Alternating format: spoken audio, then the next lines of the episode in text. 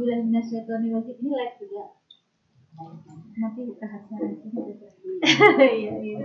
Biasa. A'udzubillahi minasyaitonirrajim. Bismillahirrahmanirrahim. Uhayyukum jami'an bi tahiyatil Islam, tahiyatin mubarakah, tahiyatin billahi jalla wa ala, tahiyatin bi kulli ahlil jannah. Assalamualaikum warahmatullahi wabarakatuh. Waalaikumsalam warahmatullahi wabarakatuh. Alhamdulillah, alhamdulillahilladzi kafa wassalatu wassalamu ala nabiyil mustafa wa ala alihi wa ashabihi sidqi wal waqa. Allahumma ftah lana qulubana wa himna rizqana wa hdina ila siratikal mustaqim. Allahumma ballighna Ramadan lailatul qadar waj'alna mimman qama lailatul qadari imanan wa ihtisaban waghfir lana Ya Allah, semoga Allah Subhanahu wa taala menyampaikan kita ke bulan Ramadan. Sudah dua bulan, Ramadan sudah akan menjelang. Sekarang kita sudah masuk ke bulan Jumada. Nanti lagi kita tanggal 4 ya. Jumada Tsaniyah apa? Rojab, Sya'ban, Ramadan. Safa, Rabiul Awal, Rabiul Tsani, Jumada Ula, Jumada Tsaniyah. Semoga Allah pertemukan kita dengan Lailatul Qadar. Allah tetapkan kita termasuk orang-orang yang menghidupkan Lailatul Qadar dengan keimanan dan mengharap cinta yang baik. Muhammad Al-Fatih yang menginspirasi. Rasulullah Shallallahu Alaihi Wasallam mengkabarkan kepada umat Islam pada umat manusia dengan kalimatnya kota Konstantinopel akan jatuh ke tangan Islam. Pemimpin yang menaklukkannya adalah sebaik-baik pemimpin dan pasukan yang berada di bawah komandonya adalah sebaik-baik pasukan. Apa yang kita dapatkan apabila kita mendengarkan kabar dari Rasulullah SAW? Kota Konstantinopel akan jatuh ke tangan Islam yang. Yang kedua, siapakah yang menaklukkannya? Yaitu sebaik-baik pemimpin. Dan siapakah yang membersamainya adalah sebaik-baik pasukan. Maka Muhammad Al-Fatih yang kemudian Allah pilih untuk bisa memenangkan Konstantinopel atau yang sekarang disebut dengan Istanbul yang dinamai oleh Muhammad Al-Fatih kemudian hari ini dikenal dengan Istanbul. Siapa Muhammad Al-Fatih?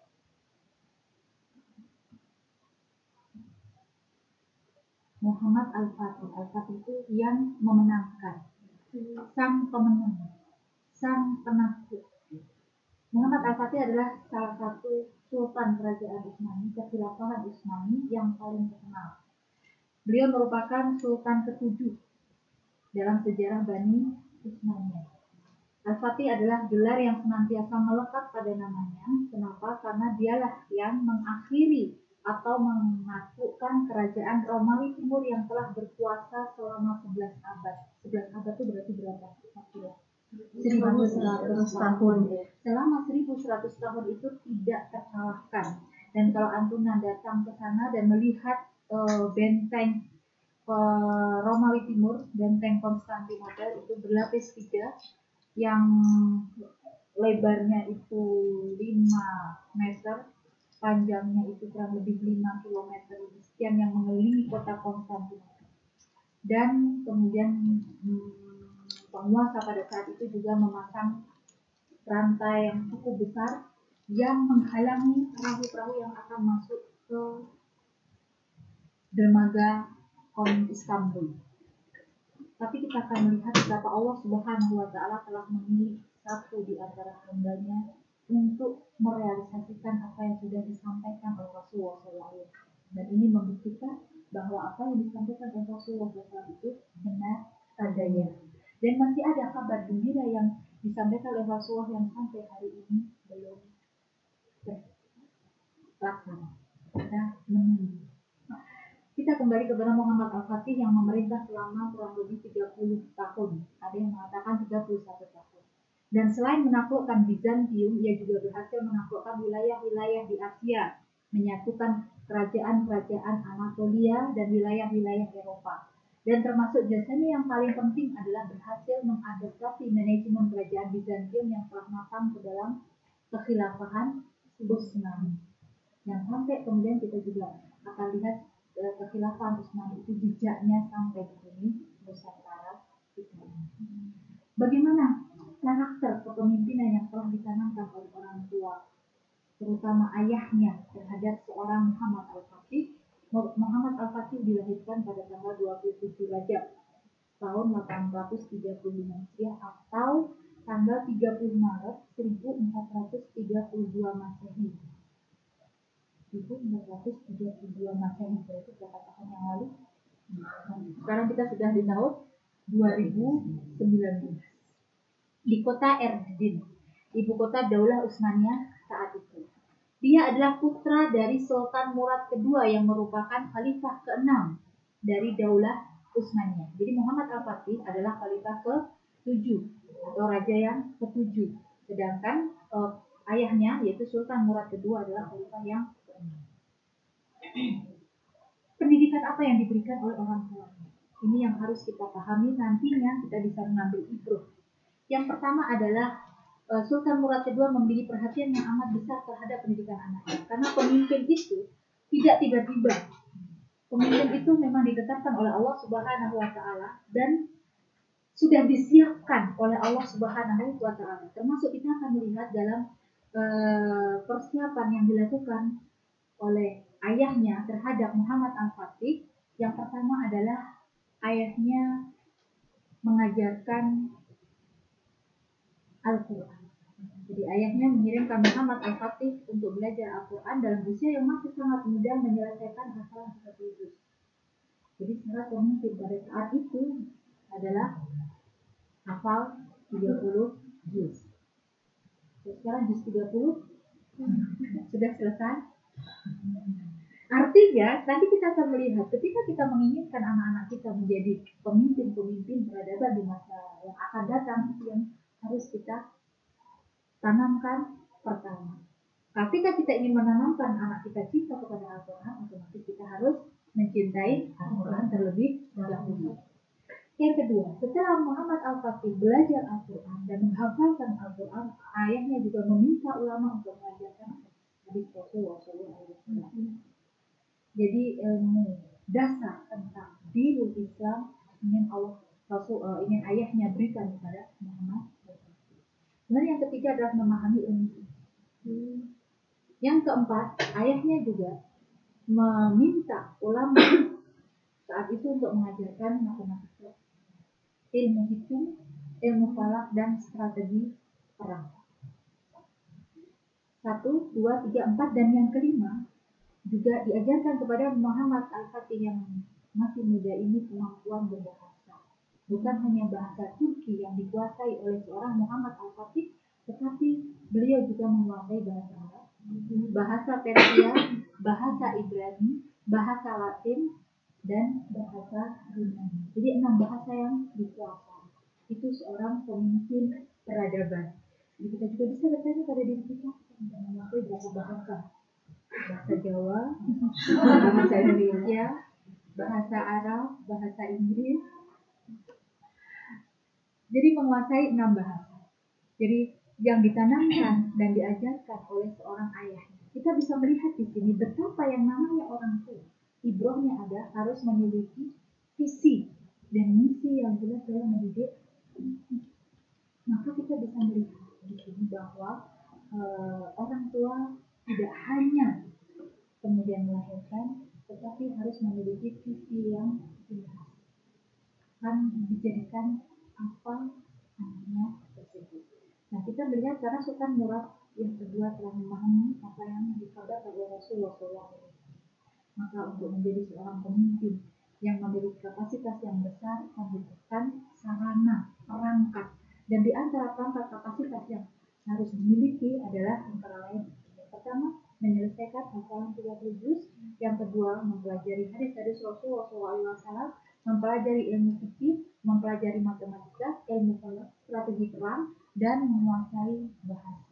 Muhammad Al-Fatih di usianya 21 tahun telah menguasai 6 bahasa.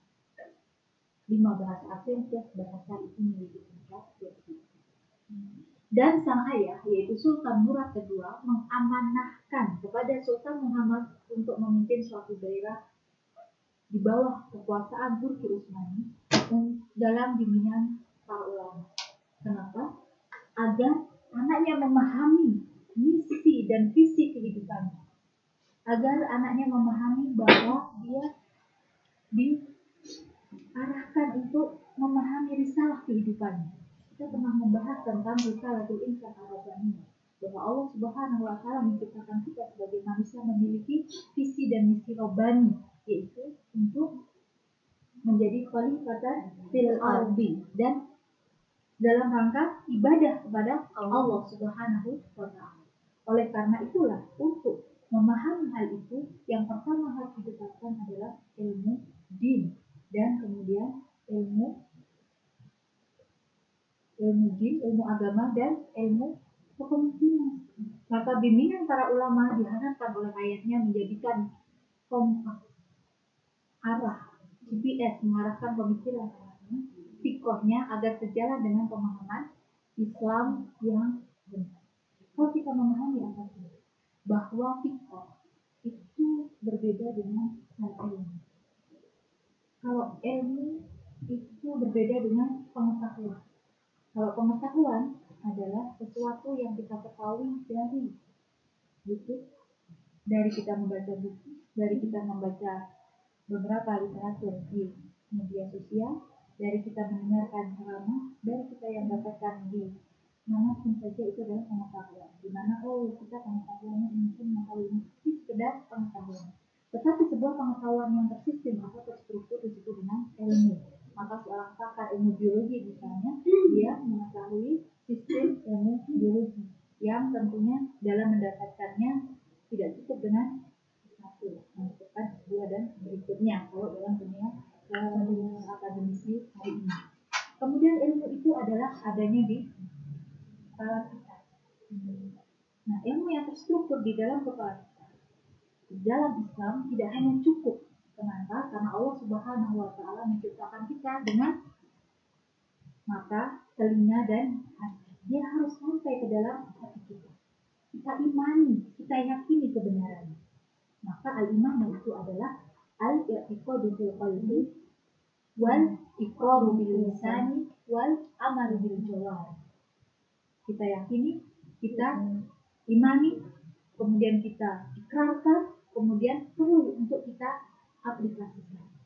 Nah, sesuatu yang ada di dalam akal kita, kemudian kita benarkan dengan bimbingan Allah Subhanahu wa taala dengan keimanan kita, maka kemudian kita aplikasikan terus menerus sampai kemudian kita semakin mengkristal keimanan kita itu yang disebut dengan itu itulah kemudian yang akan mensibuh yang akan mencelup lisan kita dalam bertutur kata yang akan mencelup rasa selera kita, citra rasa kita, yang akan mencelup cara pandang kita, cara mendengar kita yang diinginkan oleh Allah dan Rasulnya. Maka kalau itu mengkristal seperti karang di lautan yang tidak tergerus dengan deburan ombak sepanjang siang dan itu itulah yang kemudian hidup di dalam jiwa orang-orang beriman. Itu yang kita sedang uh, bahas pada kesempatan ini. Kemudian Sultan Muhammad kedua yaitu Muhammad Al-Fatih diangkat menjadi Khalifah Utsmani Utsmaniyah pada tanggal 5 Muharram tahun 855 Hijriah atau tanggal 7 Februari kemarin. Sekarang tanggal berapa? 1451 Masehi. Jadi usianya saat itu berapa? 1451 lahirnya beliau lahir 1432 jadi usianya berapa? 19 tahun. Hari ini 19 tahun tingkat tingkat dua masih kuliah. Usia 19 tahun seorang Muhammad Al-Fatih sudah diangkat menjadi Khalifah Utsmani. Kekhilafahan Islam pada saat program besar yang langsung dicamankan oleh seorang Khalifah Muhammad Kedua adalah penaklukan Konstantinopel atau Romawi. Langkah pertama yang diambil adalah melakukan kebijakan militer dan politik luar negeri yang sangat strategis. Maka kita bisa melihat setiap pemimpin negara yang baru saja dilantik, maka dia akan melakukan strategi baru dalam hal dalam hal politik. Di antaranya adalah politik luar negeri. Kita bisa melihat presiden atau pemimpin negara mana pun setelah dilantik dia akan mengunjungi negara mana. Di situlah dia melakukan salah satu strategi pertama yang dia. Maka ia memperbarui perjanjian dan kesepakatan yang telah terjalin dengan negara-negara tetangga dan sekutu-sekutu militernya. Pengaturan ulang perjanjian tersebut bertujuan untuk menghilangkan pengaruh kerajaan Bizantium atau Romawi di wilayah-wilayah tetangga Utsmaniyah, baik secara politis maupun militer. Karena dia memang sudah dipersiapkan setelah melakukan 30 juz pelajari hadis-hadis Rasulullah, fikih, matematika, ilmu falak, strategi perang, kemudian adalah bahasa. Jadi tidak perlu mempertemukan ketika harus melakukan lobby-lobby politik dengan kerajaan-kerajaan di sekitar kekhilafahan Utsmani karena beliau menguasai beberapa bahasa enam apa saja tadi hmm. bahasa Arab, Persia, Ibrani, Latin, Yunani, Ibrani, Latin, Yunani, dan Turki sendiri. Penaklukan Bizantium. Sultan Muhammad Al-Fatih nanti, ini masih Muhammad II, juga menyiapkan lebih dari 4 juta prajurit yang akan mengepung Konstantinopel dari barat. Pada saat mengepung benteng Bizantium, banyak sekali pasukan Utsmani yang gugur karena kuatnya pertahanan benteng tersebut. Karena selama berapa tadi? 11 abad Konstantinopel tidak bisa dimasuki oleh bangsa mana pun. Pengebukan yang berlangsung itu tidak kurang dari 50 hari, berarti berapa? Hampir dua bulan mengepung. Dan itu benar-benar menguji kesabaran pasukan Utsmani, menguras tenaga, pikiran, bahkan perbekalan mereka. Pertahanan yang tangguh dari kerajaan besar Romawi ini terlihat sejak semula karena memang selama 11 abad itu tidak ada ada yang bisa menaklukkan kekuatan Bizantium. Sebelum musuh mencapai benteng mereka, Bizantium telah memagari laut mereka dengan rantai yang membentang di sepanjang tanduk emas disebut dengan Good Horn. Kita ke Istanbul masih ada uh, melihat seperti tanduk tadi, tidak mungkin kita menyentuh benteng Bizantium kecuali dengan melintasi rantai tersebut. Jadi tidak ada satupun kapal-kapal selama 3 abad itu yang bisa menyentuh daratan Istanbul. Romawi Timur karena di selain dibentengi juga ada rantai yang tidak mengizinkan kapal itu bisa. Akhirnya Sultan Muhammad menemukan ide yang dia menganggapnya merupakan satu-satunya cara agar bisa melewati pagar tersebut. Dan ide ini mirip dengan yang dilakukan oleh para pangeran Kiev yang menyerang Bizantium di abad ke-10 Para pangeran Kip menarik kapalnya keluar selat Bosporus mengelilingi Galata dan meluncurkannya kembali di Katolik. Tetapi pasukan mereka tetap dikalahkan oleh orang Bizantium, tetap terpukul mundur. Nah, apa yang dilakukan oleh seorang Muhammad Al-Fatih itu?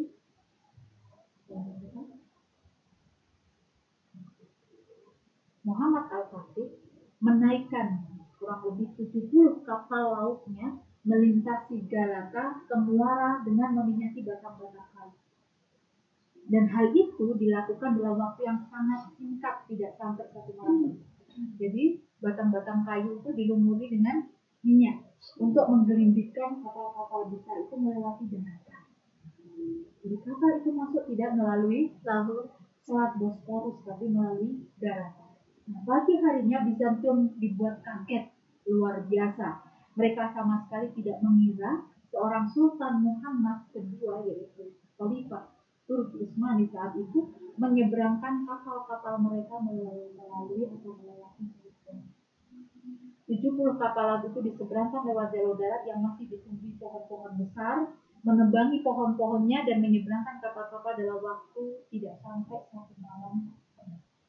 Dan ini adalah sebuah kemustahilan menurut para pemimpin Bizantium.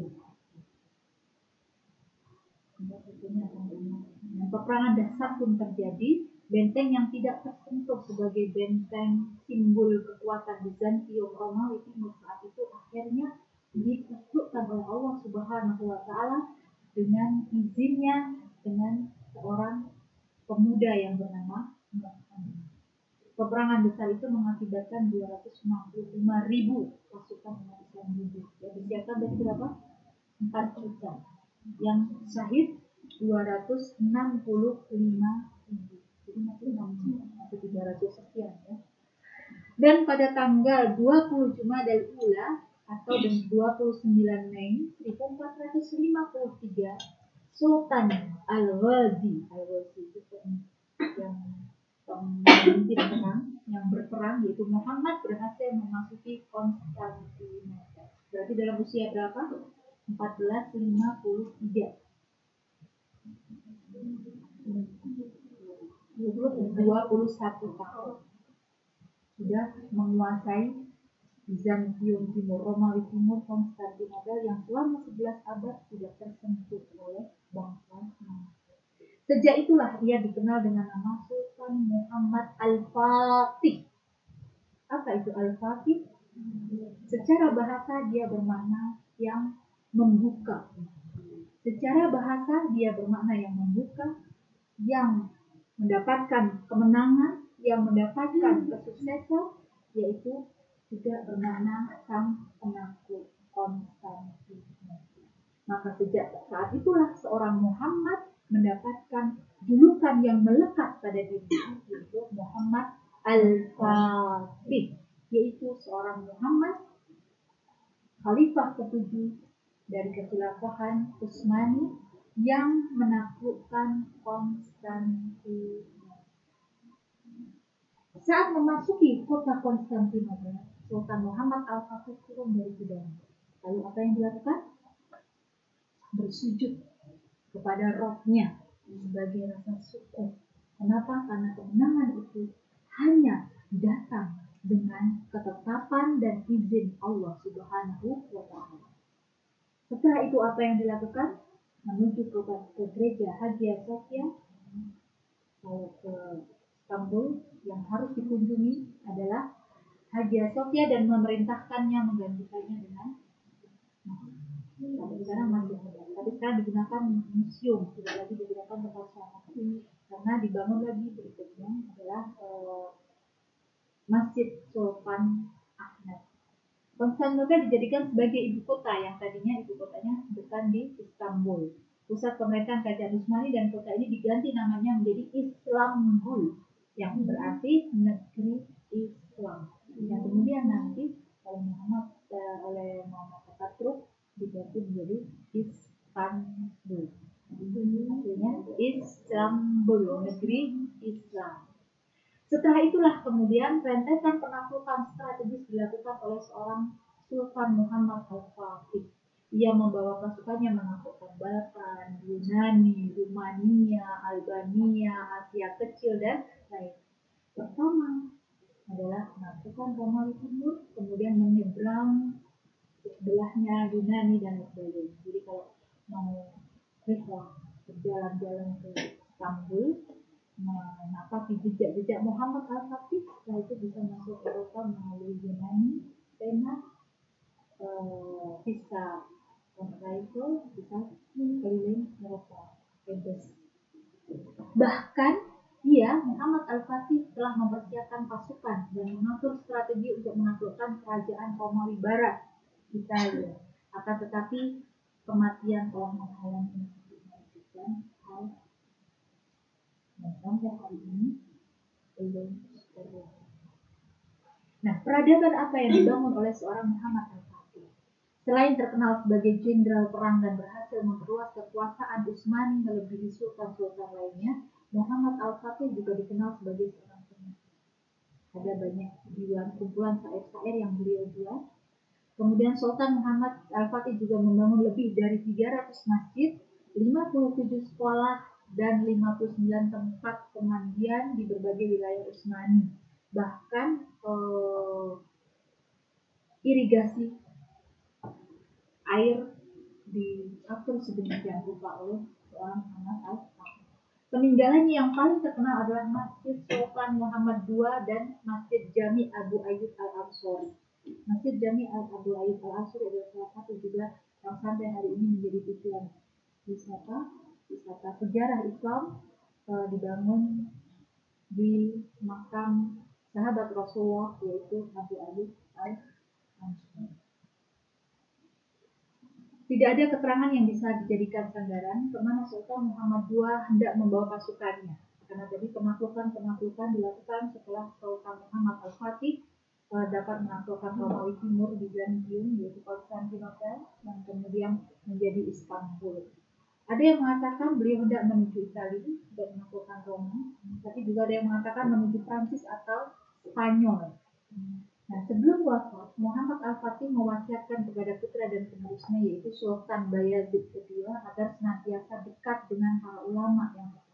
Itulah juga yang dilakukan oleh ayahnya yaitu Sultan Murad yang kedua mendekatkan Muhammad Al-Fatih dengan ulama sejak masih kecil. Sehingga Al-Quran sudah dikenal ketika Muhammad Al-Fatih ini masih usia belia, bahkan di masa satu kemudian berbuat adil, tidak tertipu dengan harta, dan benar-benar menjaga agama baik untuk pribadi, masyarakat, dan kerajaan atau kesultanan. Jadi agama bukan hanya untuk diaplikasikan secara pribadi, tetapi untuk masyarakat dan bahkan kesultanan. Artinya ini menunjukkan bahwa Islam itu adalah agama yang sangat universal yang sempurna bukan hanya mengatur urusan pribadi, tapi keluarga, tapi juga masyarakat dan bahkan urusan berbangsa dan bernegara. Hikmah yang bisa kita ambil apakah? Antara lain yang pertama, baik itu untuk kita atau untuk anak keturunan kita dalam calon pemimpin peradaban masa depan. Yang pertama adalah perbekalan ruh dan keimanan dan harus sampai kepada keistimewaan mumtaz atamayyuz ar-ruhi wal iman. Bagaimana Allah sampaikan dalam surat Al-Anfal ayat 65, Ya ayyuhan nabiyyu harridil. Wahai nabi, kobarkanlah semangat orang-orang beriman untuk berperang iyyakum minkum isruna sabiruna yaglibu mi'atayn. Jika ada 20 orang beriman yang sabar.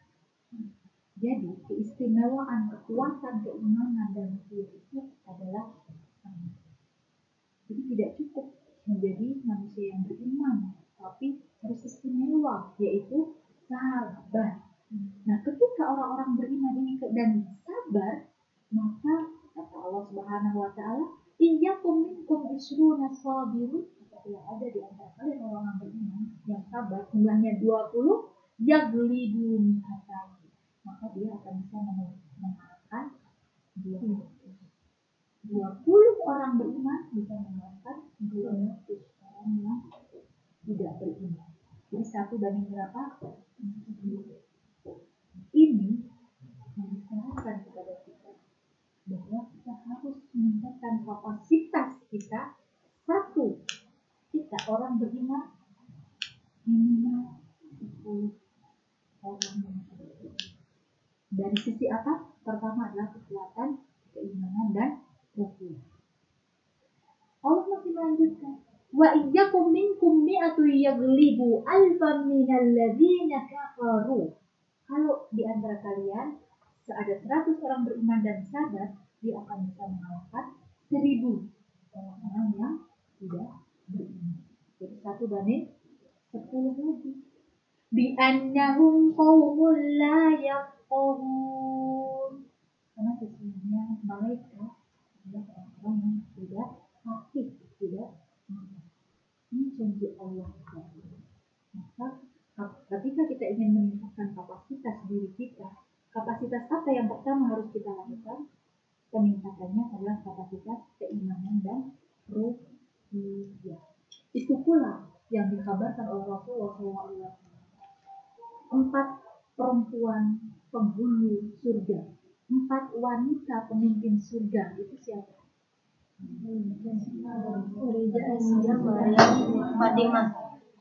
Maryam bintu Imran Khadijah bintu Khuwailid Fatimah binti Rasulillah dan Asia. Asia. Di antara empat ini, di empat empatnya pemimpin penghulu surga ini, kapasitas pertama yang mereka miliki adalah keistimewaan, kekuatan, keimanan dan keimanan. Jadi, hikmah dan pelajaran dari seorang Muhammad Al-Fatih adalah keistimewaan, kekuatan, keimanan dan keimanan. Buat diri kita, buat anak-anak kita. Maka ketika kita memahami bahwa Indonesia adalah bangsa yang besar, bahkan mayoritas penduduknya muslim, dengan kata lain mayoritas atau sebagian besar umat Islam di dunia ini tinggalnya di? Indonesia. Jumlah umat Islam di Indonesia itu paling besar. Artinya kita memiliki potensi untuk menjadi bangsa yang besar. Kenapa? Perangkat pertama sudah kita miliki yaitu keimanan. Keimanan sumbernya yaitu Allah Subhanahu wa taala. Kita memiliki perangkat yang cukup jelas. Satu bersumber dari Allah Subhanahu wa taala yang menciptakan kita dan seluruh alam semesta. Dan Allah Subhanahu wa taala memberikan kepada kita kitab Al-Qur'anul Karim yang zaman nebel cocok di segala zaman. Bukan kemarin, hari ini, bahkan yang akan datang. So, kenapa kita belum menjadi bangsa yang besar? Anda bukan menjawab Sudahkah kita memenuhi kapasitas yang pertama itu? Kita memiliki contoh yang sudah mengaplikasikan Al-Quran yaitu siapa? Muhammad Sallallahu Alaihi Wasallam yang kemudian diikuti oleh para sahabat, ulama urasidin, tabiin dan termasuk Muhammad SAW. Banyak sekali contoh-contoh hidup di sekitar kita yang telah menutup kehidupannya dengan penghilangan sejarah dan semuanya berpangkal dari kekuatan keimanan dan kehidupan. Jadi, kalaupun kita ingin menjadi istri yang soleh, kapasitas pertama yang harus kita besarkan adalah kekuatan keimanan dan kekuatan. Jika kita ingin mendapatkan peran sebagai seorang ibu pun kapasitas yang harus kita perbesar adalah kapasitas keimanan dan kekuatan. Kita menjadi uh, profesional, kita menjadi warga masyarakat, kita menjadi warga negara ketika ingin memberikan kontribusi terbesar kita sumbernya adalah kekuatan keimanan dan kekuatan kita bisa melihat membaca sejarah-sejarah emas manusia-manusia beriman yang telah ditulis. Sepanjang perjalanan manusia adalah pertama kekuatan keimanan dan kata Allah di dalam surat Al-Anfal ayat 60 kemudian yang kedua adalah kapasitas keilmuan dan pengetahuan. Setelah kapasitas keimanan dan rupiah adalah kapasitas keilmuan dan pengetahuan. Muhammad Al-Fatih memiliki ide yang belum pernah terpikirkan oleh pemimpin-pemimpin besar sebelumnya, yaitu memindahkan 70 kapal besar, bukan hanya kapal koci, kapal besar, kapal perang apa ya, 70 bukan hanya 5 melalui daratan itu belum pernah terpikirkan dengan dikelilingan di atas kayu-kayu besar yang beriring maka para pemimpin pun terkejut. Dari mana? Ketika seorang hamba yang beriman ini telah meluruskan niatnya karena Allah Subhanahu wa taala dan itu bahwa mencelup seluruh kehidupannya maka Allah akan memberikan ilmunya akan Allah berikan kefahamannya. Ya ayyuhalladzina amanu idza qila lakum tafassahu fil majalis fafsahu yafsahillahu lakum. Wahai orang-orang yang beriman apabila kamu dikatakan kepada kalian berlapang-lapangan dalam majelis maka lapangkanlah niscaya Allah akan memberi untukmu. Jadi kita pahami ya kalau kita berada dalam majelis ada yang datang kita bergengsi secara sederhana ya wa qila suzu fang suzu dan apabila dikatakan berdirilah kalian berdirilah kalian. Niscaya Allah akan meninggikan derajat orang-orang yang beriman dan ber maka sudah selayaknya kita orang-orang beriman ini menjadi orang-orang yang terdepan. Bangsa yang terdepan umat yang terdepan dalam menuntut ilmu. Tapi bukannya ilmu yang hanya sampai di dalam otak kita tapi harus sampai dalam hati kita kita pahami dan kalau itu ilmu yang dibenarkan oleh Allah dan Rasulnya kita imani dan kita aplikasikan kita bisa melihat apabila hari ini berapa banyak jurusan satu di dalam dunia ini. Dua, tiga. Sekarang harusnya semakin mudah cari pekerjaan bukan? Sekarang mudah apa sih? Susah. Kenapa? Harus berpikir kenapa susah? Karena selain bangsa Indonesia itu memiliki Allah Subhanahu wa taala. Al-Quran karena mayoritas muslim SDM yang adalah muslim Allah juga berikan SDA yang luar biasa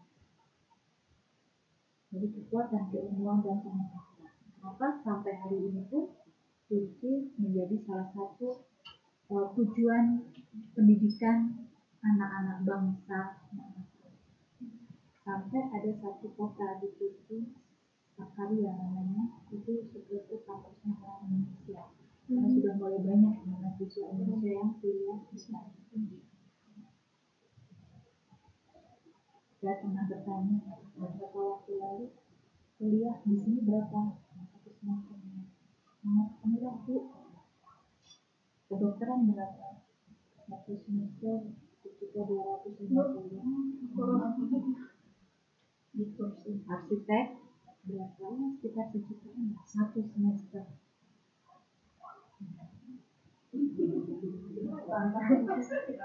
itu yang kedua. Yang ketiga, hikmahnya apa? Adalah asumumu al akhwat Kekuatan rupiah, kekuatan keimanan, ditambah dengan kekuatan ilmu dan pengetahuan melahirkan manusia-manusia yang memiliki akhlak yang tinggi, akhlak yang mulia, berbudi pekerti. Bukan hanya seorang Muhammad Al-Fatih telah menghadirkan sejarah kegemilangan bagaimana seorang muslim memiliki akhlak yang tinggi hatta dalam peperangan kalimat-kalimat yang keluar dari lisannya apa yang dia pikirkan adalah celupan dari kekuatan keimanan dan keilmuan yang diridhoi oleh Allah Subhanahu wa taala. Maka Allah sangat-sangat mengecam orang yang banyak ngomong tapi tidak menjalankan. Ya ayyuhalladzina amanu lima taquluna ma la taf'alun. Wahai orang-orang beriman, ini buat kita, buat saya juga. Kenapa kalian mengatakan sesuatu yang tidak kalian kabura maktan indallahi an taqulu ma la amat besar kebencian Allah terhadap kalian yang mengatakan apa-apa yang tidak kalian ini arahan buat kita bahwa seorang beriman harus memiliki kesesuaian dengan apa yang ada di dalam hatinya, apa yang dia ikrarkan dan apa yang dia lakukan.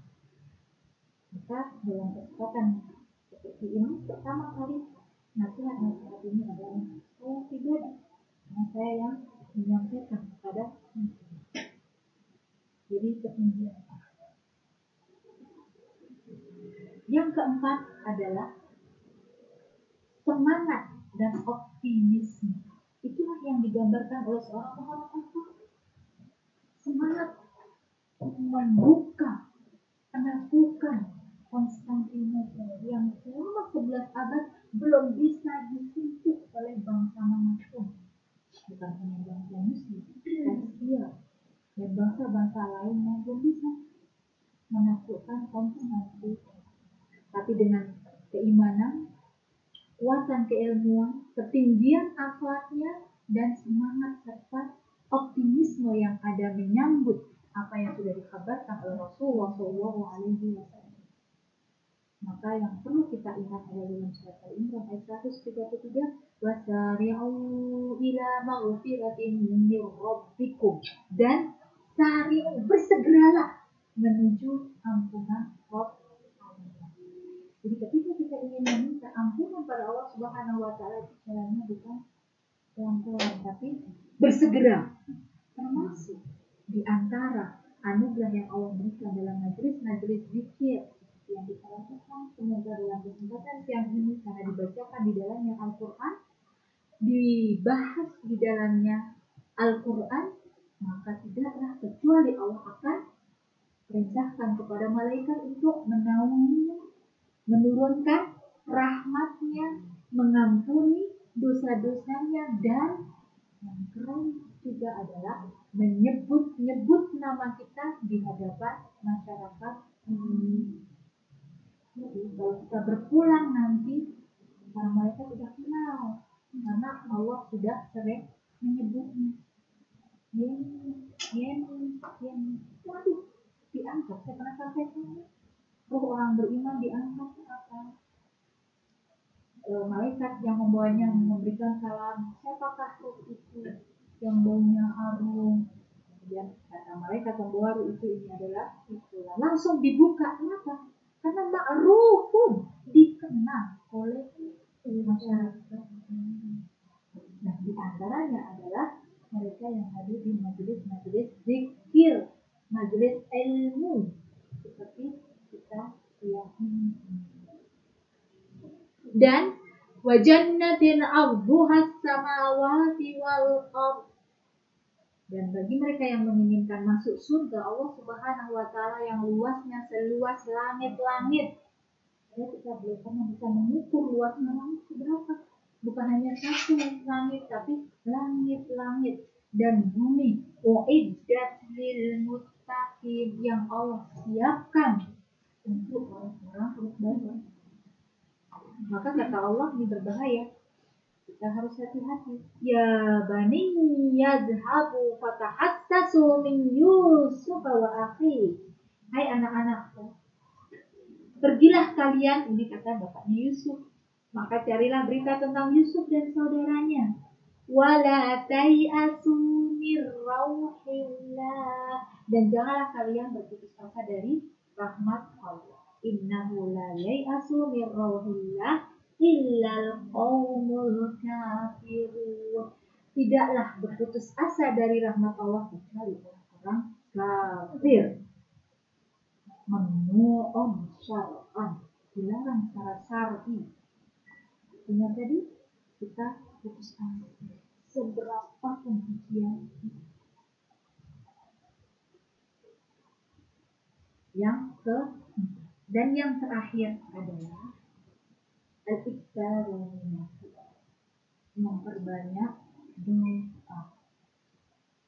Wa idza sa'alaka ibadi anni wa idza sa'alaka ibadi anni kalau bertanya kepada ya Muhammad tentang aku wa inni qarib sesungguhnya aku itu dekat. Uji budak da'i idza da'an. Aku mengabulkan, menjawab doa orang-orang yang berdoa. Masalahnya adalah kita sering meminta. Kalau itu sangat senang kalau kita meminta, mengibah, mengemis-ngemis. Nah itu menunjukkan berarti kita menyandarkan diri kita kepada Allah Subhanahu wa taala, menyandarkan harapan kita kepada Allah Subhanahu wa taala dan kita memahami bahwa diri kita ini dan Allah wa al-ghani falyastajibu li wal yu'minu bi la'allahum yarsudun syaratnya adalah hendaklah mereka itu memenuhi segala perintahku dan hendaklah mereka beriman kepadaku agar mereka selalu dalam keadaan yarsudu mendapatkan petunjuk di atas kebenaran lima hal itu yang bisa kita ambil dari perjalanan seorang Muhammad Muhammad yang Allah berikan kepadanya. Ketetapan yaitu menaklukkan konstansi dan dalam Islam dikatakan al-fatih penaklukan positif karena apa? Membuka pintu pintu lebar. Semoga Allah Subhanahu wa taala memberikan kita kekuatan untuk menjadi hambanya yang semakin baik dan semakin dan semoga lahir dari rahim kita dan rahim bangsa kita ini pemimpin-pemimpin dan yang lebih dari itu semoga keberadaan kita pada hari Jumat yang penuh keberkahan ini menjadi pemberat pembangunan kebaikan kita di akhir Assalamualaikum warahmatullahi wabarakatuh.